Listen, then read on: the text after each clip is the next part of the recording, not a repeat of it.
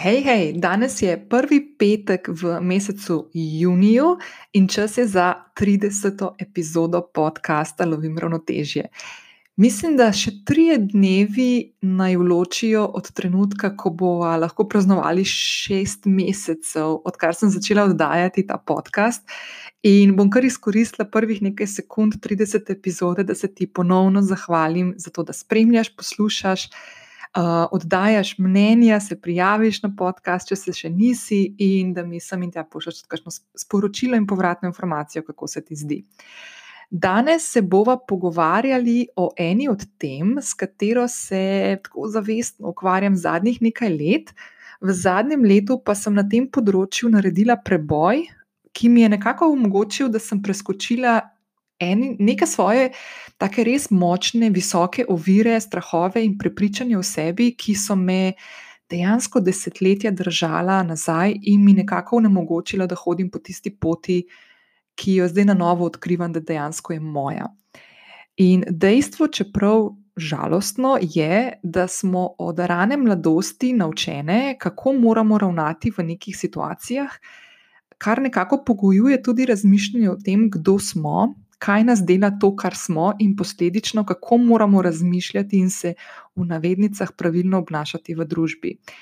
Uh, skozi potek življenja se nekako sprehajamo z nenehnimi dvomi vase, ki so pogosto tudi na račun našega dobrega počutja in rasti, tako osebne kot poslovne.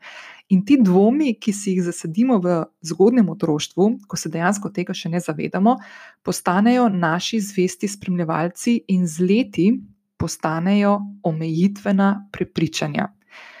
Danes bomo govorili o omejitvenih prepričanjih, ki nam onemogočajo, da hodimo po poti, ki je resnično naša. Lahko jih prepoznaš tudi pri sebi. Kako jih prepoznaš, kako z njimi upravljaš, kako se jih osvobodiš, o vsem tem bomo govorili danes v tej epizodi.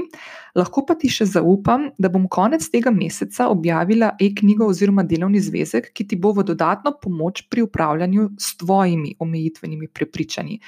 In vam bom vključila vse tehnike in načine, ki so tudi meni pomagali, da sem se končno začela zavedati svojih skal, ki me držijo na poti rasti na vseh področjih, tako na nekem osebnem, kot predvsem tudi na poslovnem. In priznam, da ta spoznanja v mojem življenju so ena od pomembnejših, do katerih sem prišla, in so me resnično razbremenila um, določenih ovir in prepričanj, ki sem jih imela o sebi, da sem lahko šla po nekih poteh uh, in v neke odločitve, ki jih drugače absolutno ne bi nikoli sprejela. Ampak o tem nekoliko kasneje.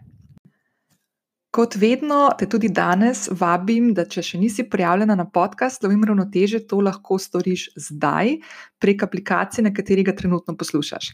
Vedno sem vesela tudi ocen in mnen, če slučajno še nisi oddala.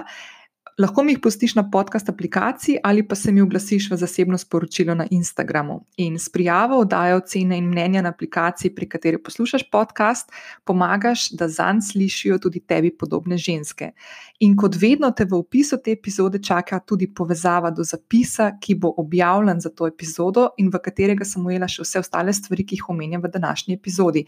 Vabim te tudi, če še nisi, da se prijaviš spodaj v opisu te epizode na moje inovičke, ker boš tako lahko ujela informacije o tem, kdaj bom objavila delovni zvezek, kako se lahko lotiš svojih omejitvenih prepričanj. Zdaj, preden gremo naprej, bom tako kot ponavadi prebrala eno, eno sporočilo, ki sem ga prejela včeraj. In me je uh, blazno razveselilo. Blazno me vsakega sporočila sem in feedbacka sem vedno vesela, zelo sem pa vesela, ko se mi oglasi kakšen moški. In uh, bom prebrala to sporočilo, ki sem ga prejela na SMS od enega uh, moškega znanca, uh, ki me je ne samo, da me je presenetil, da posluša ta podcast, ampak mi je notri napisal nekaj takih stvari, ki gredo res krasno z današnjo epizodo, v kateri se bomo ukvarjali o taki problematiki, s katero se sicer ukvarjamo moški in ženske, ampak glede na to, da smo tukaj ženske in da sem tudi jaz ženska in sem se s to situacijo in s temi mislimi tudi sama, predvsem v zadnjem letu, ogromno ukvarjala, se mi zdi blazno pomembno, uh, da te stvari res izpostavimo. In sporočilo, ki sem ga včeraj prejela, uh, pravi takole. Ta tvoj podcast je nekaj, kar bi si morala za svoje vzeti vsaka ženska, ne glede na to, če je podjetnica ali ne. Kot moški sem ga preposlušal celotnega, večkrat. Večkrat, ker ne nasedam na neke prazne New Age fore in motivacije, podpore, ideje in navdihe, ki to niso. Iščem razpoke in tukaj jih je presenetljivo veliko kreativnih kar dela ta podcast še poseben in močen. Nekaj takega si, uh, bi, si lahko, bi lahko bilo tudi za naš spol. Super si, sploh nisem vedel, da si to ti, ta ista Nina. Še tako naprej. Um, ful, hvala, res. Uh, jaz sem blazno, blazno, blazno vesela vsakega sporočila, vedno se tudi odzovem, ogromno jih dobim na zasebna sporočila v, na Instagram. In res sem vesela, ko vidim, da um, določene razmišljanja, jih, o katerih se tukaj pogovarjam z vami, um, pa bi si še nedolgo nazaj mislila, da so tako ženska, uh, so dejansko niso ženska, ampak so skupna človeku, tako moškim in ženskam. Um, zdaj jaz bom nadaljevala naprej v, uh, po svoji špuri, po domače povedano, po svoji poti, ki sem si jo zastavila pred šestimi meseci. In sicer, da je ta podcast in ta platforma namenjena ženskam uh, in nekemu prostoru, v katerem se lahko pogovarjamo odkrito, uh, sočutno, podpirajoče. Se pravi, da smo tukaj zato, da se pogovarjamo o stvarih, ki nas bremenijo, in, in, in dajemo prostor premislekom in razmišljanjem o tem, kako določene stvari lahko presegamo pri sebi, zato da postajamo ne samo boljše osebe, ne, ne v tem smislu, da smo zdaj slabe, ampak da, da postajamo nekako uh, bolj povezane s temi stvarmi, ki nas ženejo v življenju, neke strasti, želje, cilje, ki jih imamo, in nekako ne najdemo poti do njih. Se pravi, da s tem, ko si tukaj izmenjujemo neke uh, ideje in izkušnje in mnenja. Uh, Je to namenjeno temu, da vsaka od nas lahko dobi neke informacije, ki nas podbudijo k premisleku, uh, kaj bi lahko naredile drugače, če naprimer nam določena stvar ne prinese nekih rezultatov, pa ne vemo, kako se kako v vanjo ugrizniti na drugačen način. Tako da današnja epizoda, ko bomo govorili o omejitvenih prepričanjih, je dejansko ena v nizu teh tem, um, ki so občutljive, oziroma ki so take teme, s katerimi se soočamo vsi, moški, ženske. Um, in je tema, s katero sem se jaz resnično ukvarjala zadnjih nekaj let, in v zadnjem letu naredila en tak močan preboj naprej. Pa bom o tem govorila nekoliko kasneje. Danes pa je čas v tem trenutku, da skočiva v vsebino 30. epizode podcasta Lovim ravnotežje. Pa začniva na začetku. Opredeliva najprej termin omejitveno prepričanje. Če zelo poenostaviva, je omejitveno prepričanje misel, ki jo imaš v sebi in za katero verjameš, da je resnična. Dejansko pa je ta misel točno tista, ki te zadržuje v življenju in pri praktično vseh odločitvah, ki jih sprejemaš. Tako, ta misel je tako globoko zasejana v tvoj bit, da je postala del tebe in verjameš in na njo gledaš kot na absolutno resnico. Zdaj, omejevalna prepričanja oziroma omejitvena prepričanja, so vse tiste misli, v katere verjameš, da držijo, ki pa ob enem omejujejo tvoje sposobnosti. In ta prepričanja živijo ponovadi v tvoji podzavesti in se na plan priplazijo takrat, ko naprimer razmišljaš ali se odločaš o stvarih, kot so naprimer menjava službe, upeljava neke naprimer, vadbe nove v življenje. Razmišljanje, da rečeš eni osebi, ki jo imaš rada, prvič ne. Takrat se ponavadi začnemo poigravati s tem, s temi mislimi, ki nas nekako poskušajo zadrževati na tej poti odločitev, ki so v našem življenju pomembna. Naprimer, v življenju se mi vedno dogajajo slabe stvari. Nisem dobra sogovornica, ker nimam nič pametnega za povedati. Vsi moji odnosi so že od samega začetka obsojeni na propad. Ali pa nikoli ne bom znala voditi ekipo, zato se ne bom prijavila na ta na to delovno mesto. Nikoli ne bom šla na svojo podjetniško pot, ker nimam pojma o podjetništvu. Ali pa nikoli ne bom uspešna, ker mi čisto pri vseh stvarih vedno spodleti. Zdaj, temu seveda sledi vprašanje, ne, oziroma trditev, da zakaj bi nekaj poskusila, če pa vedno udarim mimo, če mi vedno spodleti in mi enostavno nikoli ne rata. To so zdaj tiste misli, ki nekako so zasajane globoko v nas, in ponavadi so te misli prepletene z nekim prepričanjem o sebi, ki ga nosimo že iz otroštva. In omejitvena prepričanja so pogosto, oziroma prepogosto, domneve o tvoji resničnosti, ki izhajajo iz dojemanja življenjskih izkušenj. Zdaj, če želiš, da bi tvoja dejanja in odločitve imele največji možen pozitivni učinek, moraš postav, post, imeti postavljena vprašanja, ki bodo kar se da blizu te resničnosti. In preprosto se zgodi, da se zavajamo z lažnimi resničnostnimi prepričanji, ki dejansko ne odražajo naše, našega resničnega jaza, sposobnosti in tudi okolja, v katerem živimo. In vse to skupaj prepogosto vodi v to, da se zaradi svojih omejitvenih prepričanj nikoli ne lotiš določenih stvari, kar pomeni, ali pa odločitev, kar pomeni, da nikoli ne dosežeš ciljev in sanj, ki si jih globoko v sebi želiš doseči. In danes bomo govorili točno o teh stvareh, in tudi malo se poigrali s tem, kako lahko določena prepričanja v sebi začneš, po angliško se temu reče, shiftati, se pravi, preoblikovati v to, da začneš spremenjati svoje razmišljanje. Zdaj, preden greva v omejitvena prepričanja in v razdelavo teh, zato da boš tudi pri sebi, ko poslušaš ta podcast, lahko začela počasi ugotavljati, uh, katera so tista tvoja omejitvena prepričanja, ti bom jaz povedala enega od mojih. Um, jaz sem se s svojimi omejitvenimi prepričanji začela resno spopadati uh, v drugi polovici lanskega leta. Ko sem se začela prebijati skozi nekatera prepričanja, ki sem jih imela, In lahko ti povem, da sem jih takrat imela napisanih enih 19 svojih. Uh, je pa še ena stvar, ki sem jo lansko leto naredila, konec leta, in sicer, da sem poslala uh, naročnicam mojih enovičk en vprašalnik, na katerega se je odzvalo prek 250 žensk, in ugotovila sem, da jih je več kot 75 odstotkov, če ne celo 80 odstotkov, uh, odgovorilo um, je odgovorila na vprašanje, ki sem jih postavila. Naprimer, eno vprašanje je bilo, um, če se si v življenju želiš in kaj te omejuje, da ne prideš do tega cilja. Večina žensk, velika, velika večina žensk, ki je odgovorila na ta vprašanja, so odgovorila s krasnimi primeri omejitvenih prepričanj. Naprimer, strah pred neuspehom, pa tudi strah pred uspehom. To je, naprimer, eden od mojih strahov bil strah, da nisem dovolj dobra v tem, kar želim delati, strah pred zavrnitvijo, ne zaslužim si tega uspeha, ker nisem dovolj usposobljena za to. In še in še in še. In zdaj, če pomisliš sama pri sebi, ali si se kdaj že srečala s kakšno od teh trditev, jaz skoraj zagotovo bi si upala in drznila reči, da verjetno, da si se. In zdaj, če ti dam enega od mojih primerov omejitvenih prepričanj, s katerim sem imela dolgo težave, je, je bil en tak klasičen, ki po mojem je tudi tako zelo skupen.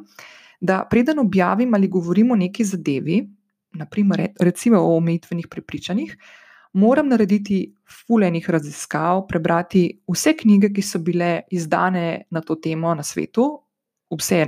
Kadarkoli izdane, vse članke, ki so bili, sprav cel internet moram prebrati, uh, kupiti in narediti moram vse spletne tečaje, um, ki so bili kadarkoli objavljeni in se dotikajo, naprimer, v konkretno omejitvenih prepričanj, da bom lahko upravičila svoje misli pred teboj, mojo poslušalko, ki v tem trenutku to posluša. In zdaj, zaradi tega prepričanja, ki se je dotikalo dejansko čisto vsake stvari, ki sem se jo jaz v življenju hotela, želela lotiti malo bolj kompleksneje, uh, se jaz desetletja nisem, si nisem dovolila sama sebi stopiti na tisto ko, pot, za katero sem nekako globoko v sebi mislila, da je moja prava. Nisem si niti dovolila priti do tja, da bi začela odkrivati svojo pot. Um, nisem naredila enega koraka naprej in začela deliti svoje izkušnje, znanje, misli. Uh, nekako te um, izkušnje, do katerih sem jaz prišla in za katere verjamem, da um, lahko pomagajo tudi kakšni drugi ženski. In zdaj, če jaz tega prepričanja, ki sem ga imela in nosila v sebi 40 plus let, ne bi postavila na dvom, oziroma se z njim soočila in ga posledično presegla, Danes ti, draga moja, ne bi poslušala teh besed, ker tega podcasta, na katerem delam zadnjih šest mesecev in prek katerega delim točno to izkušnje, znanje, svoje misli, ne bi bilo. Ker tudi ta podcast se je zgodil kot ena od prvih stvari v mojem življenju, ki so se zgodile, preden sem bila jaz prepričana, da lahko podcast snemam in ga oddajam. Zato, ker sem bila prepričana do tega trenutka, ko sem se lotila podcasta, da moram prebrati vse članke na temo, kako začneš s podcasti, kako jih snemaš, kakšno opremo potrebuješ, kakšen prostor moraš imeti za snemati, kakšen mikrofon si moram kupiti, um, kakšno vsebino želim deliti, in tako naprej. Jaz sem se tega na začetku lotila na enak način kot vse svoje stvari v preteklosti, na kar sem se spomnila svojih omejitvenih prepričanj, ki sem jih imela zapisane, in ta je bila ena od tistih 19 prepričanj takrat, zdaj jih je mimo grede že več. Um, in uh, sem se začela s tem soočati. Tako da moje prepričanje o tem, da moram znati vse stvari o eni temi, zato da lahko to tematiko delim z nekom drugim, ali pa na, na glas, kakšno svojo misel povem o tej tematiki, je bila presežena s trenutkom, ko sem temu omejitvenemu prepričanju pogledala globoko v oči. Zdaj, nekako smo že prišli do tega spoznanja, da so omejitvena prepričanja tista, ki preprečujejo, da, da dosežeš nek svoj potencial, ki ga dejansko ti že imaš. Omejitvena prepričanja stojijo na tvoji poti kot neke ovire, pri tem, ko razmišljaš, kaj lahko dosežeš, v življenju in ti preprečujejo, da zaživiš neke svoje najsrečnejše trenutke in neko najbolj izpopolnjeno življenje, ki si ga dejansko želiš zaživeti. Umetvena prepričanja so tvoja samosabotaža, ki ti ne dovoli, da se v tvojem življenju zgodijo stvari, ki si jih globoko v sebi želiš. In kot sem rekla, sem tudi sama ugriznila v svoje omejitvena prepričanja. Na začetku jih je bilo 19, zdaj jih je že več, zato ker vedno na novo odkrivam nova in to je tudi čar življenja, da nekako si poskušam postavljati nenehno neko ogledalo, zato da si dovolim delati neko samo analizo, samo refleksijo. In jaz sem ugotovila, da je to ena od najbolj pomembnih stvari, ki sem si jo dovolila narediti, narediti za, zase zato sem prepričana, globoko, globoko prepričana, da je to nujen korak za vsako od vas, ki želi brezkompromisno hoditi po svoji poti, v svojem ritmu in z nasmehom, zadovoljstva, da se življenje, da se življenje dejansko odvija tako, kot se mora, da imaš ta nasmeh nenehno na obrazu. In eno od ključnih spoznanj v mojem življenju, do katerih sem prišla, je, da je treba ugrizniti v vsa prepričanja, ki oblikujejo našo realnost, pa dejansko niso odraz realnosti. In greva se malo poigrati s temi omejitvenimi prepričanji. Če želiva razumeti omejitvena prepričanja, moramo najprej pogledati, odkot sploh prihajajo. Ponavadi se omejitvena prepričanja razvijajo iz različnih situacij, ki se nam dogajajo na življenjski poti, in to se dogaja vsem, vsaki od nas. Veliko umetvenih prepričanj se oblikuje v otroštvu kot posledica neke nezmožnosti razumevanja stvari, ki se odvijajo okoli nas. Zdaj, če se nam je v življenju zgodila neka traumatična izkušnja, se bodo občutki, ki smo jih imeli v tisti situaciji, razvili in ostali tudi v naši podzavesti. In s časom se razvijajo v prepričanje in v oviro, ki nam ne pusti, da jo preskočimo. Še več, zaradi te ovire in tega prepričanja ostanemo na istem mestu. Če se ne soočimo s situacijami, ki so se nam zgodile v otroštvu, pa tudi kasneje v mladosti in v zgodnem odraslem življenju, in iz katerih so se razvila naša omejitvena prepričanja, potem se lahko znajdemo v 40 letih življenja, tako kot sem se jaz, in si dovolimo, da naše življenje vodi in upravlja nekaj izkušnje z otroštva. Omejitvena prepričanja lahko pridejo tudi iz naše družine. Družina igra zelo pomembno vlogo pri tem, kako gledamo na svet. Zdaj bom povedala en primer in eno eureko, ki sem jo doživela nedolgo nazaj. Bom rekla, mogoče deset dni nazaj. In to je moj strah. Jaz sem o svojem strahu že zelo, zelo veliko govorila v prejšnjih epizodah podcasta, ampak jaz sem v, uh, pred nekaj dnevi ugotovila, odkot izvira moj strah strah pred padci, strah pred neuspehom, strah pred uspehom, vse, vse možne strahove v življenju, ki sem jih imela in ki sem jih nosila v sebi, in ki so bili odlična platforma oziroma podstavek za, um, za oblikovanje novih strahov, ki so se začeli dogajati vsakeč, ko sem se znašla v neki novi situaciji ali pa v odnosu. So, so nekako bazirali na tem primarnem strahu, in jaz sem ugotovila, da je ta strah prišel od mojega očeta. In zdaj bom povedala, zakaj. In zdaj, oče, če to poslušaš, ne mi zameriti.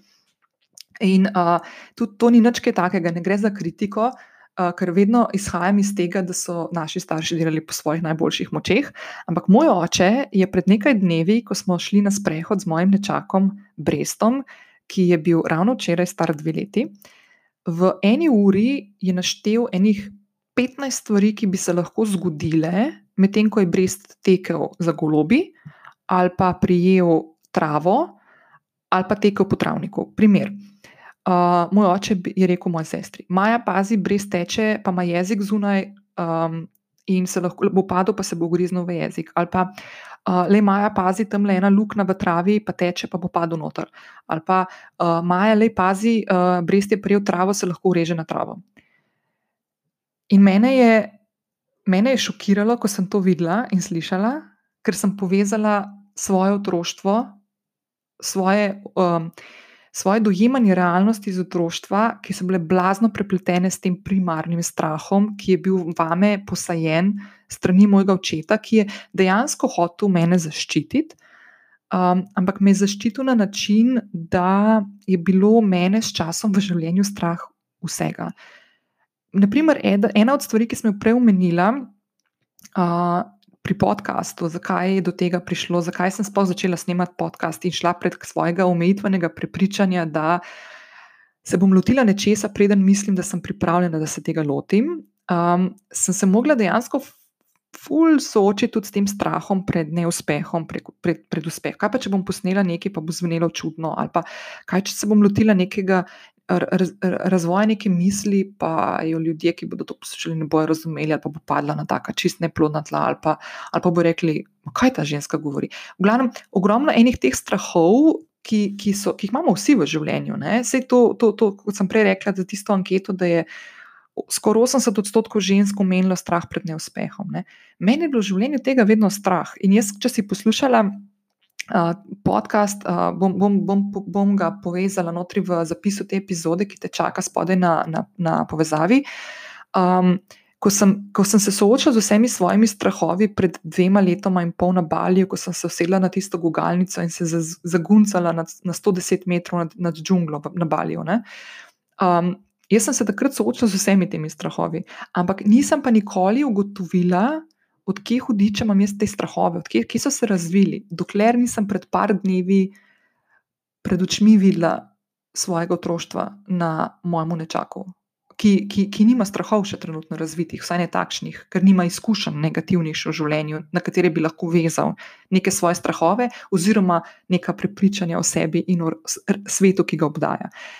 In uh, družinski sistem, v katerem si ti odraščala in jaz odraščala, dober ali pa slab, močno vpliva na tvoje razumevanje življenja in kako gledaš na svet okoli sebe. In v tvojem družinskem sistemu obstajajo tudi pričakovanja o tem, kdo bi ti morala biti in kakšno vlogo v življenju naj bi igrala. To so neka pričakovanja, ki jih imajo starši tudi do nas. Upravičena ali neupravičena, pogosto bom rekla neupravičena, zato ker vsak človek je individuum, ki si mora nekako svojo pot zgraditi sam. Ampak Mogoče si v otroštvu poslušala, da naprimer, ni ok, če preveč izstopaš. Zato, ker če boš preveč izstopala, se ti lahko kaj zgodi. Če boš preveč upadljiva, se ti lahko kaj zgodi. Je, je bolj fino, da mogoče te ne opazijo. Ne? Mogoče si poslušala, da nisi dovolj dobra ali pa da bi lahko naredila nekaj še boljše. Naprimer, jaz konkretno sem v življenju pogosto poslušala, pa res to ne gre za jamranje, ampak gre za to, da sem se soočala s temi omejitvenimi prepričanji, ki izvirajo točno od tukaj, ko sem poslušala, da bi lahko dobila boljšo oceno, če sem dobila, naprimer, štirko. Lahko bi bila petka, ne? ja, škoda, ker ni pet. In iz tega se je vedno razvilo, da nisem dovolj dobra in da moram biti boljša, da moram, da moram biti bolj močna, ker me je bilo vedno strah vsega v življenju, se pravi, da je ali lahko, no, ali lahko si malo močnejša, ali lahko pokažeš, da si močna, kljub temu, da sem poslušala to ni, to, uh, pazi to, pazi to, pazi to. In uh, da nisem dovolj dobra, zato ker bi lahko bilo boljše. In to so stvari, naprimer, ki oblikujejo človeka. In ko se začneš ukvarjati s temi stvarmi, ki dejansko spodbujajo omejitvena prepričanja, ki jih potem razdeliš na vsako situacijo, na vsak odnos, na, um, na delovno področje, na ose, zasebno področje, na odnose s prijatelji, s družinskimi člani, s partnerjem, partnerico, z otroci, konc koncev. To so stvari, ki izvirajo od tukaj. Uh, ampak omejitvene prepričanja ni nujno, da pridejo samo iz naše družine. Dejansko se nam lahko dogajajo in oblikujejo skozi celotno življenje, ne samo v otroštvu, tudi skozi različne druge situacije, v katerih se znajdemo. Naprimer, omejitvene prepričanja se lahko razvijajo tudi iz, iz odnosov, prijateljskih, intimnih, delovnih, uh, tistih v službi ali pa tistih nekih slučajnih. Običajno se ta prepričanja usidrajo že na tista obstoječa in zakorenjena, preprič, zakorenjena prepričanja iz našega otroštva in delujejo kot neko dvojno potrjevanje naših omejitvenih prepričanj. Naprimer, tako, no, evo, se sem vedela, da je to res. Na tisto trditev, ki jo nosiš v sebi že od odnegdaj. Ne? Primeri takšnih prepričanj so lahko, naprimer, da če te je v preteklosti prevaral en partner, s katerim si bila, si morda razvila prepričanje, da v odnosu ne moreš zaupati, ker boš na koncu tista, ki boš ranjena. Ali pa, če si imela uh, v šoli težavo pri sledenju matematike, se boš lahko kasneje v življenju počutila, da nisi dovolj pametna in da si ne zaslužiš uspeha. Naprimer, primer. Ali pa, če si imela slabo izkušnjo na banki, ko si prosila za kredit in bila zavrnjena se lahko razvije nek občutek, da bančnemu delavcu ne zaupaš in da ne boš nikoli več stopila v poslovalnico s prošnjo po nekem kreditu. Naprimer, tudi to je lahko en del tega, da dobiš občutek, da uh, nisem dovolj dobra, nisem dovolj zrela, nisem dovolj sposobna, da bi za to prosila, nisem dovolj, nisem dovolj, nisem dovolj. Zdaj, kako pri sebi prepoznaš omejitvena prepričanja?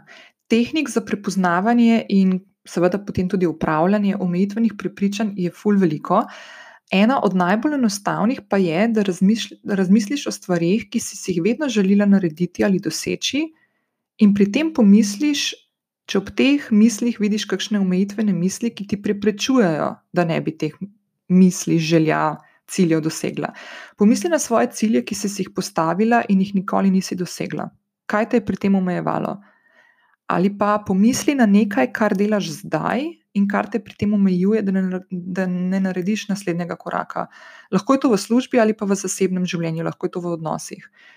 Um, pomisli na več stvari, ki so del tvojega življenja, delo, življenje kot tako, odnosi, odnos do denarja, odnos do zdravja. Kaj je tisto, kar si rečeš vsak dan, ko imaš v mislih dialog sama s seboj? In ti predlagam, da svoje misli in ta notranji dialog zapišeš na list, preliješ svoje misli na list. Super je, če pišeš dnevnik, uh, ker vse to, kar pride v tvoje misli, predstavlja tvoja omejitvena prepričanja. In tvoj dnevnik je lahko tvoj najboljši terapeut tudi za uh, premagovanje in upravljanje z omejitvenimi prepričanji. In če dnevnika še ne pišeš, ti bom v zapis te epizode pripela tudi povezavo do vodiča, kako začeti pisati dnevnik in zakaj je ta praksa dejansko pomembna. Vse te stvari boš našla v tem vodiču. Zdaj, ko enkrat prepoznaš in se poigraš s svojimi omejitvenimi prepričanji, se lahko začne ta soočenje in upravljanje s temi prepričanji. Ko enkrat veš, odkot izhajajo tvoje omejitvene prepričanja, in ko enkrat postaviš okvir, katera so tvoje omejitvene prepričanja, potem se lahko začneš soočati, upravljati in jih presegati. Ko sem se jaz sama soočala s svojimi, sem ugotovila, da je pogosto potrebnih le nekaj osredotočenih minut, da sem začela spreminjati svojo miselnost okoli prepričanj, ki so me omejevala dejansko celo življenje. Dejansko to um, premikanje prepričanj in miselnosti ni neka stvar, ki bi od tebe zahtevala mesece in mesece in mesece. Res se moraš vzeti čas, zato je dnevnik res ful dobra praksa. Vzeti si moraš čas in si dovoliti čas in prostor, da si sama s svojimi mislimi, da si sama s svojim notranjim dialogom, ki ga spremljaš, ki ga analiziraš in s katerim um, in, in do katerega pristopaš brez nekih zadržkov in nekih um, teh um, kako bi rekla, dodatnih nekih um, obremenitev, se pravi, da, da, da se slabo počutiš ob tem, da se, da se nekako sramuješ tega dialoga. To moš pustiti na strani. In zdaj, trenutek, ko se zaveš, da, omejit, da omejitveno prepričanje, ki ga nosiš v sebi, dejansko ni pravo in resnično, ker ne odtehta tega, kdo ti dejansko si, je trenutek, ko se ga razbremeniš. In večina omejitvenih prepričanj in trditev, ki jih nosiš v sebi, vključuje besede kot so ne morem, ne znam, ne bi smela. Pomisli na to, kako lahko naprimer, preoblikuješ te misli in prepričanja, da bi prišla do globje resnic, resnice v sebi in spremenjene miselnosti. Naprimer, ne morem izdajati podcasta, ker tega še nikoli nisem naredila in kdo bo mene poslušal. Ampak vprašaj se mogoče, naprimer, na mesto ne morem ali pa uh, ne znam, ne bi smela, ali je to mogoče. Ali lahko, a, a, a je mogoče, da bi jaz bila sposobna, ali pa je mogoče, da bi lahko začela jaz oddajati podcast, ali to dejansko lahko naredim. Ali je kdo, ki mi je podoben, to že naredil? Naprimer, ja, veliko ljudi. Uh, ali sem jaz res takšna oseba, ki tega ne more narediti in zakaj ne bi mogla tega narediti? In si nekako skiciraš situacije, ki nasprotujejo tvojemu prepričanju, zakaj tega ne bi mogla narediti, ali pa zakaj ne bi smela, ali pa ne znaš nečesa narediti. Ko narediš eno vajo zdaj, lahko zbereš enega od svojih omejitvenih prepričanj in se vprašaj, odkot prihaja. Vzemi si čas, vzemi list papirja, vzemi dnevnik, in si zapiši, kje ali se spomniš mogoče trenutka, ko si se prvič zavedla tega prepričanja in greš iz tam naprej. A je mogoče, kdaj, kdaj bi se to lahko oblikovalo pri tebi? A mogoče najdeš v otroštvu kakšno situacijo, ko si že čutila, da je bilo to prepričanje prisotno. In kaj bi lahko naredila v življenju, če te ne bi ustavljalo to prepričanje? Kako bi tvoje življenje izgledalo, če ne bi imela te skale, ki jo nosiš s seboj v obliki omejitvenega prepričanja? Poskušaj si predstavljati, da je to omejitveno prepričanje tvoje prijateljice, naprimer, da ti ga je zaupala pravkar.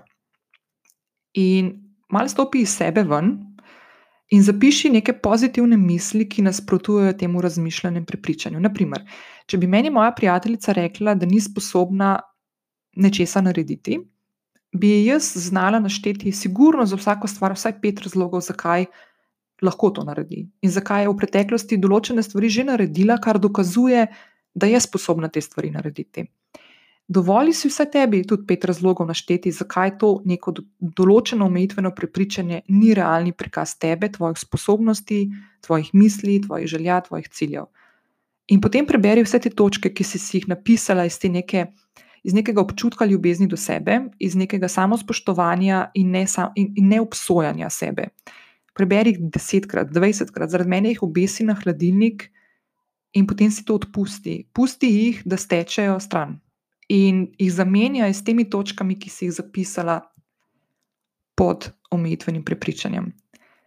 In potem pomisli spet na to, česa si v življenju želiš, kakšen cilj želiš, želiš doseči, kje se skrivajo tvoje strasti, tvoje želje, ki si jih do tega trenutka dala na stran, ker si bila prepričana, da to ne boš nikoli dosegla, zaradi tvojega omejitvenega prepričanja, ki zdaj ni več tvoje.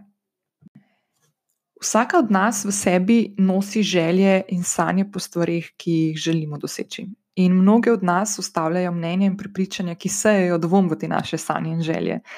In prepogosto nam manjka samo zaupanje, da zmoremo in da smo sposobni priti do cilja, Svoje sposobnosti prepogosto dajemo v nič in pri tem z lahkoto pozabimo na vse zmage in uspehe, ki smo jih v življenju že dosegli in ki dejansko ne podpirajo točno teh naših omejitvenih prepričanj.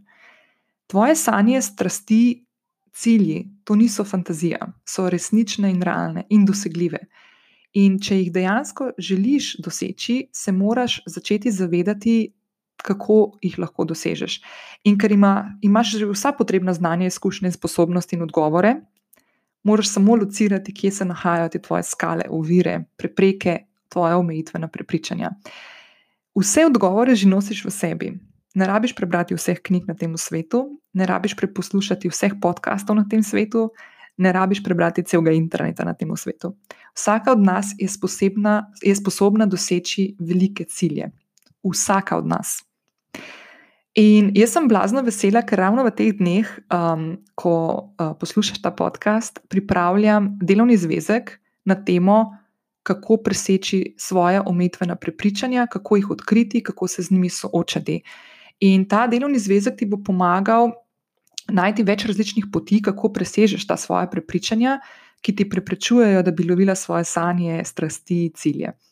In jaz ti svetujem, da me spremljaš na mojih kanalih, da boš ujela informacijo, kdaj bo delovni zvezek na voljo. Lahko ti povem, da bo to konec junija, če poslušaš ta podcast v realnem času. Če ga poslušaš kasneje, potem se verjetno že nahaja na moji uh, spletni strani in bom dala povezavo tudi v uh, opis te epizode. Če še nisi prijavljena na enovičke, se lahko prijaviš prek povezave v opisu te epizode in jaz bom gotovo naročnicam enovičk ponudila prva, boste dobila priložnost, da prve slišite za to informacijo, kdaj bo na voljo ta delovni zvezek in da boste lahko ujeli svoj izvod. Zdaj, preden se poslovim, bom povedala še eno stvar. In sicer naslednji teden uh, bo podcast potekal nekoliko drugače. In sicer bom objavila prvi pogovor z eno krasno, krasno žensko, osebo, ki tudi mene navdihuje v življenju in sem prepričana, da boš, uh, da boš blazno vesela, ko boš poslušala ta podcast, ker je res tako fajn. In uh, moram povedati, da je, jaz sem si, ko sem, pred, uh, ko sem pripravljala ta idejo za ta podcast lani jeseni, uh, sem imela željo potem, da bi snimala veliko pogovorov. In potem sem padla v te solo epizode in mi je postalo udobno, in potem me je postalo strah, kako bom jaz vodila en dialog imela sem evo, še eno omejitveno prepričanje, da um, jaz nikoli nisem bila na strani nekoga, ki nekoga sprašuje. Vedno sem bila na strani nekoga, ki odgovarja na stvari. Uh, tudi v svojem profesionalnem življenju uh, sem dejansko izvajala neke te intervjuje, takrat, ko sem, naprimer, kakšne svoje naročnike pripravljala na, um, na, na to, da so šli se pogovarjati z novinarjem, da so se postavili pred kamero, da so bili gostje v kakšni oddaji na televiziji ali pa na radiju in tako naprej. Vedno sem jih tako pripravljala. To je bila edina stvar, kjer sem jaz dejansko uporabljala tehniko intervjuvanja. In um, zato, da sem prešla to svojo uh, omejitveno prepričanje, da to pa ne vem, če je ta prava stvar za mene, uh, sem naredila eno full fine stvar, eno odločitev. Uh, v bistvu je razlog za to odločitev dva, uh, sta, sta dva razloga, pa bom kar oba priznala na glas, da takoj ker sta ful smešna in ker smo tukaj brutalno iskreni. Uh, prvi razlog, uh, prva stvar, ki sem se odločila, je, da bo prva gostja v, na podkastu uh, Lovim ravnotežje urednica, se pravi novinarka. Se pravi oseba, ki leta in leta in leta je tista, ki vodi intervjuje, ki se pripravlja na pogovor uh, in ki povleče iz sogovornika zanimive stvari. Kar je bilo, vam povem po pravici, uh, da sem imela fulmetulčke uh, v trebuhu, ko sem se z njo pogovarjala, čeprav sva si zelo blizu. In druga stvar je, da se nisem lotila teh pogovorov tudi zato, ker sem tako izpila pripravo podcasta, če sama govorim v mikrofon, do, do nule, da mi misel na to, da bi mogla kakšen pogovor montirati. Ali pa kakšno stvar zrezati ven, ker ne bi bila ok, ker bi se kaj jezik nam zapletel, in tako naprej. Sama mislim na to, da bi mogla še eno tehniko in še eno aplikacijo spoznati in začeti obvladati, mi je dejansko po domače povedal, padel mrak na oči. Ampak sem naredila eno stvar in sicer, da oseba, ki gostuje, ki bo gostovala naslednji teden v prvem pogovoru na tem podkastu, je tudi oseba, ki mi je pomagala zmontirati ta pogovor, kar se mi zdi fully fascinantno. In uh, jaz sem se ob tem naučila, kako to delati. Tako da lahko povem, da v prihodnje bo takšnih pogovorov z zanimivimi sogovorniki in sogovornicami še veliko več. In se ful tega veselim, ker sem zdaj tudi to prebila, ta strah pred tem, da se moram pripraviti na pogovor, da moram iz sogovornika uh, potegniti zanimive stvari za tebe, mojo poslušalko, in se blazno, blazno veselim. Tako da, evo, naslednji teden, prvi pogovor z eno navdihujočo žensko, uh, ki bo, po mojem, tudi zate povedal en kup enih zanimivih stvari. Tako da, evo, to je to. Za danes smo zaključili, 30. epizoda podcasta Lovim ravnotežje je za nama. Uh, jaz upam, da se ti je utrnila kakšna iskrica, uh, tudi pri, uh, pri uh, dojemanju tvojih omejitvenih prepričanj. Še enkrat lahko povem, da to so res stvari, ki so nam skupne. Še enkrat znova ena tema, ki kaže na to, kako smo si veliko bolj podobni kot različne, kar je tudi normalno in prav in realno.